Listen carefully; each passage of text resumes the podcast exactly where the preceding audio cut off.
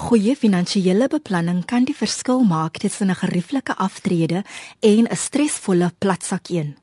Jy's ingeskakel op Rand en Sent op RSG 100 tot 104 FM met my Olivia Sambu. Baie welkom. Om 'n gerieflike aftrede te hê, moet jy voorsiening maak vir meer as net jou daaglikse uitgawes. Dit verg deeglike beplanning wat jou leefstyl en finansiële doelwitte in ag moet neem.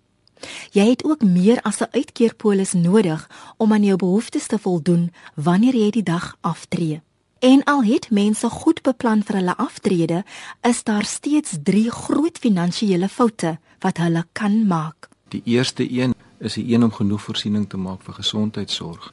Ons almal raak ouer, ons almal word siek op 'n stadium en mediese kostes bly styg en dan moet 'n ou genoeg geld hê om um, hierdie behoefte aan te spreek. Ek dink 'n goeie finansiële beplanning is sleutel in jou proses vorentoe. So gesels met die kliënt oor al sy behoeftes, waar hy nou ook al in sy lewe bevind of hy nou jonk is en begin werk of hy iemand aan die dood afgestaan het of daar egskeiding was en of die persoon naby aan aftrede is. Elkeen se behoefte gaan verskil en elkeen se behoefte moet in afsondering aangespreek word. En so sê Johan Lotz, 'n welvaartbestuurder by Wealth Corporation in Bellville in Kaapstad. Johan verduidelik dat spesifieke berekeninge gedoen word om te bepaal hoeveel 'n kliënt nodig gaan hê vir 'n gerieflike en kommervrye aftrede. En dan kan ons vir 'n kliënt baie mooi gaan wys wat gaan jou lewensverwagting wees en wat is jou potensiële opbrengs in jou beleggings vorentoe en hoe moet ons dit in ag neem by jou mediese uitgawes wat waarskynlik 'n konstante 10% groei jaarliks aan premie kostes gaan wees maar wat dalk ook meer kan wees soos wat jy ouer word. Volgens Statistiek Suid-Afrika oorskry gesondheidsorg inflasie die inflasiesyfer jaarliks met meer as 4%. Onvoorsiene mediese uitgawes kan ook nog verder bydra tot geweldige finansiële druk. En hier dink ek spesifiek aan traumatiese gebeurtenisse soos 'n beroerte, kanker, hartaanvalle. Jy weet, nou kan daar 'n periode wees waar daar voorsiening gemaak moet word vir iemand wat jou in huis moet versorg jy moet dalk na 'n versorgingseenheid toe gaan wat 'n groot finansiële uitgawe is. En dan is mens bekommerd, jy weet, is daar genoeg voorsiening gemaak vir hierdie onvoorsiene uitgawes? Baie keer moet jy gevalle kry waar die voertuig en die huis moet byvoorbeeld verander word om aan te pas by die persoon se behoeftes nou, want die persoon mag dalk nou in 'n reistool wees. En hierdie is uitgawes wat onvoorsien kom en ons moet probeer beplan vir daardie onvoorsiene uitgawes. Drie primêre veranderlikes moet in ag geneem word om suksesvolle finansiële beplanning te verseker. Die een groot teiken wat 'n uh, veranderlike teiken is, bly inflasie. Suid-Afrika beoog om die inflasiesyfer te bestuur tussen 3 en 6%. Maar ons weet ook dat lewenskoste vir ons as 'n aanvoelbaarheidslewensskoste baie keer duurder is. So inflasie is 'n bewegende teiken wat mens moet voorsiening maak in jou belegging en in jou beplanning. Opbrengs op jou beleggings is natuurlik 'n tweede punt wat krities is. Nog 'n veranderlike wat gemonitor moet word, is hoeveel inkomste jy moet neem uit jou beleggings wanneer jy die dag van jou beleggings gaan leef. So as daardie onttrekking te groot is, sal ons waarskynlik 'n gesprek met die kliënt hê om te sê jou lewensverwagting is langer as wat ons dink jou kapitaal vir jou gaan voorsien. So ons moet indringend praat oor jou inkomste wat jy geonttrek uit jou beleggings uit, anders dan kan ons in 'n moeilike situasie vorentoe kom. Die tweede fout wat kliënte maak, is oneffektiewe risikobestuur en die onvermoë om emosionele druk rondom jou belegging te hanteer. Wanneer markte goed doen en die aandelebeurs is besig om te eskaleer en dit gaan goed met my beleggings, is almal gelukkig. En gewoonlik dan het jy ook baie navrae oor potensiële belegging vorentoe want ek wil ook deel in hierdie wonderlike periode waaroor my vriende van gesels. En dan kom daar die moeiliker fase en dis die daalfase. Ons praat van 'n bullmark as dit goed gaan en 'n beermark as dit sleg gaan. En dan kom die beermark in die in my beleggings raak al minder werd en dan raak ek emosioneel. Dan begin ek baie bekommerd raak oor gaan my beleggings wel vir my voorsien in my behoeftes vorentoe want my rand sentwaarde raak al minder. En ek dink dis hier waar die finansiële beplanner met die strategie en die plan wat hy vir jou gebou het vir jou kan wys dat jy eintlik nog veilig is. En dit dan Johan Lots. Jy luister na Rand en Sent op RSG 100 tot 104 FM met my Olivia Sambu. Ons gesels vandag oor finansiële foute wat jy kan maak as jy beplan vir jou aftrede. Onthou, jy kan die program aflaai in MP3 formaat by rsg.co.za. 'n Goeie finansiële adviseur behoort die belegging so te verdeel dat dit risiko aanspreek. In ons ideale wêreld wil ons graag hê ons kliënte moet amper emosieloos na hulle beleggings kan kyk en sonder om emosioneel te raak oor 'n beleggings kan vertrou op hulle plan wat vir hulle gebou is wat voortdurend gehersien word en aangepas word by veranderlike omstandighede sodat ja, jy kommerloos en relatief kommervry vorentoe kan uitsien na die dag van môre. Dis ook belangrik dat wanneer jy jou geld belê, moet jy identifiseer wat die doel van jou beleggings is. Gewoonlik kan jy baie vinnig onderskei tussen twee behoeftes. Die een gaan wees hierdie geld moet vir my voorsien tot my aftrede eendag en hopelik moet daar van die kapitaal oorbly om te los vir my gade. In 'n ander geval kan dit surplus welvaart wees. Met ander woorde, kapitaal wat addisioneel is tot my behoefte vir inkomste en vir aftrede en vir my normale lewensuitgawes. En met hierdie kapitaal wil ek dalk los vir my kinders en my kleinkinders dalk eendag en ek het dit nie regtig nodig nie. En baie duidelik as jy daai twee onderskeie sien, dan weet jy ook hierdie twee poele van kapitaal moet ons verskillend hanteer.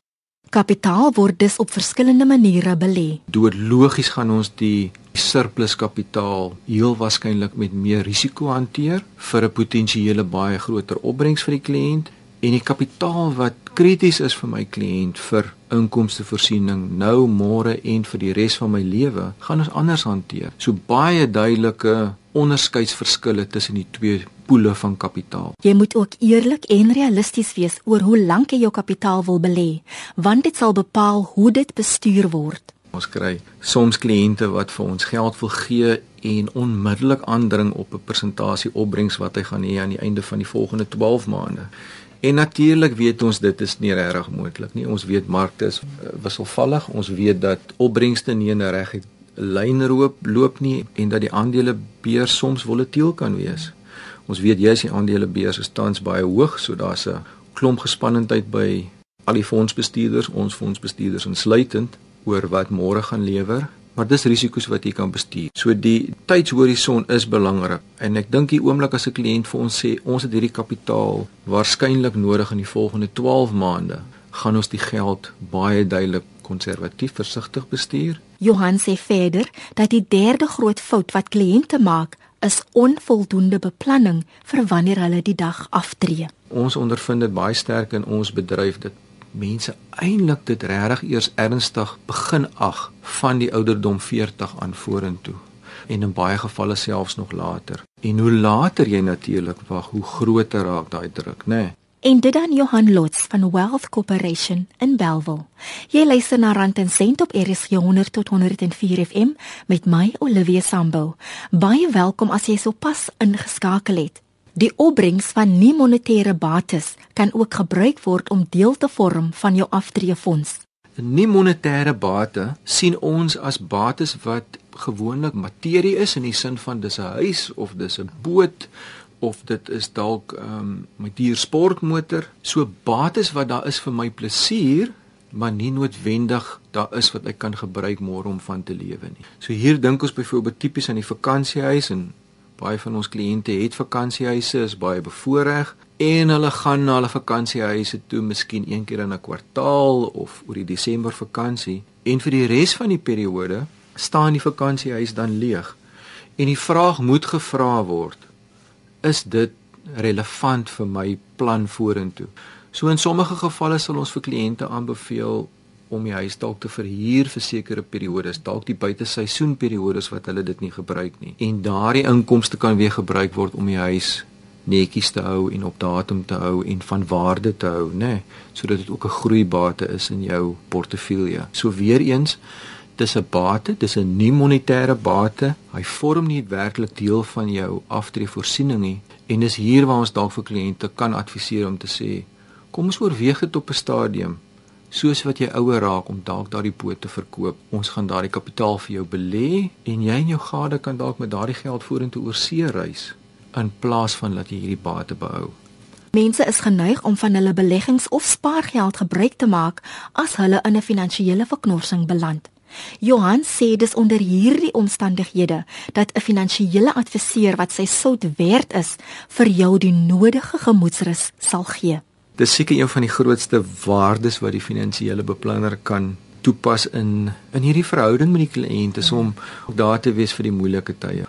Dis nie dat ons mekaar net een keer 'n jaar gaan sien soos wat goeie finansiële beplanning dit as 'n vereiste plaas nie, maar ons is daar vir jou deurlopend. So as jy 'n behoefte het en jou situasie het verander, kom ons kyk na jou situasie want net dalk het ons die vermoë om jou wel te help. Maar daar kan ook kere wees wat ons gaan sê jy soek hierdie bedrag, ons gaan dalk nie hierdie volle bedrag vir jou kan gee nie, maar dalk 'n gedeelte daarvan maar ons gaan tog tot 'n baie groot mate jou probleem kan aanspreek. So, dis 'n twee-rigting proses en dis 'n proses waarin die beplanner, ek dink die leiding moet neem in die advies, hy's tog die kenner, maar waar die kliënt 'n baie groot rol saam in die proses speel op pad vorentoe. En dit dan Johan Lots van Wealth Corporation in Bellville. Gerard Klinge van 10X Beleggings sê een van die grootste foute wat mense kan maak is om nie vroeg genoeg te begin voorsiening maak vir hulle aftrede nie.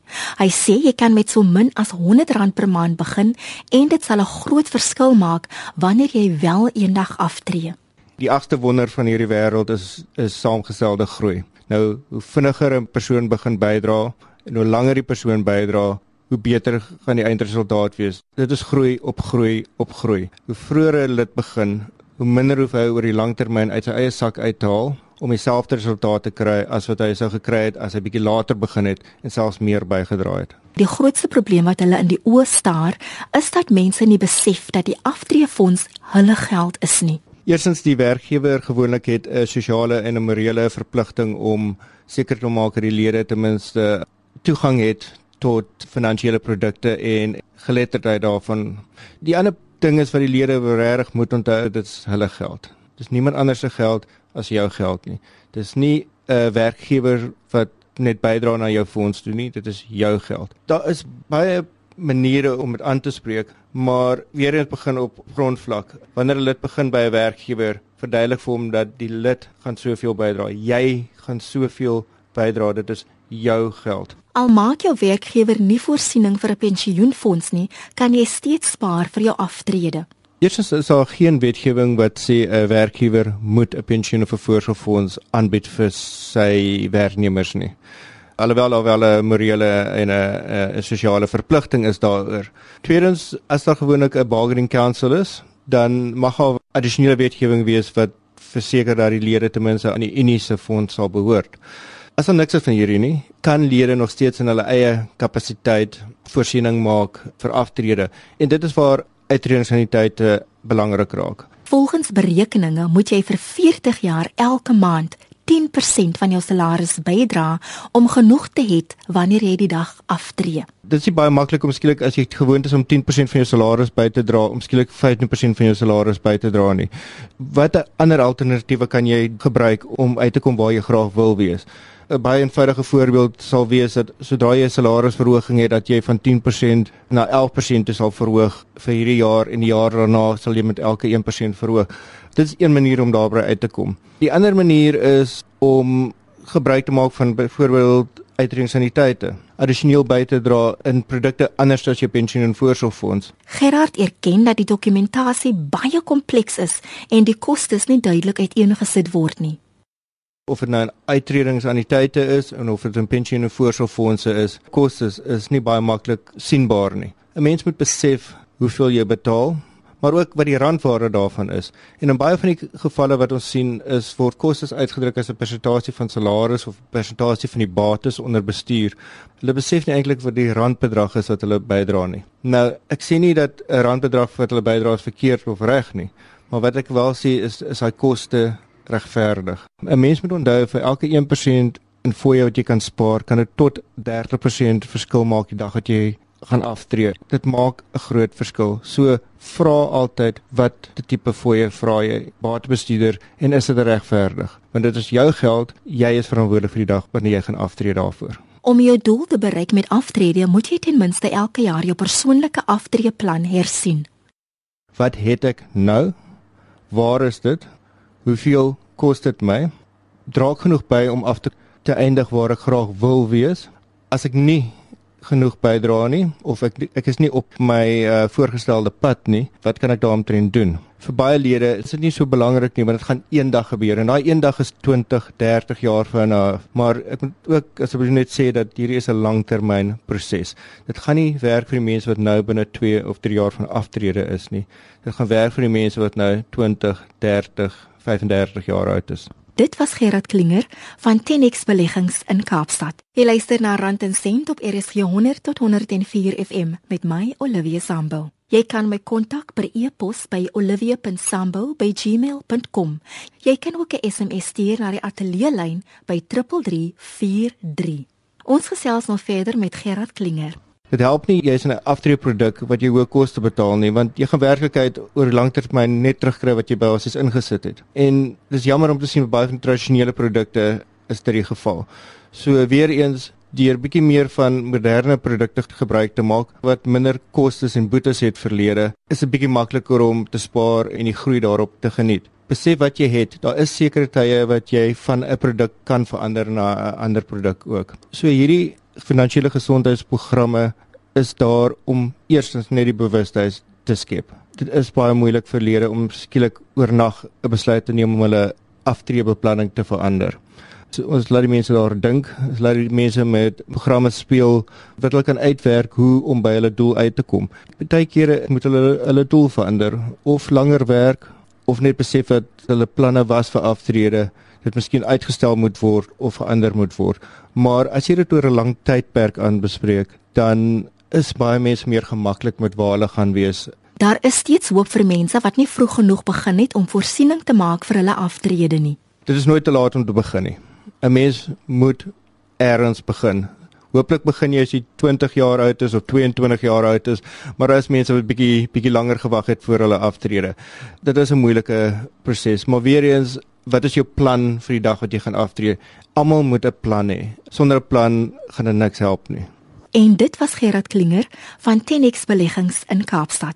Henry van Deventer, 'n finansiële beplanner van Old Mutual Wealth, sê die eerste ding om te doen om finansiëel op dreef te kom, is om jou skuld af te betaal op baie van daai kredietkaarte en persoonlike lenings en dies meer is die rentekoers wat jy betaal soveel hoër as die vlak van groei wat mens kan verwag as jy jou geld gaan belê. So punt nommer 1, betaal daai skuld af. As jy 'n verhoging kry, as jy 'n bonus kry, moet ten minste helfte van daai verhoging, helfte van daai bonus gaan na die afbetaling van jou rekeninge en dies meer toe. Sodra jou skuld redelik onder beheer is, jy gaan waarskynlik nog steeds sit met 'n huislening en dis oukei. Okay. Dis goeie skuld, dis nie vreeslik duur nie.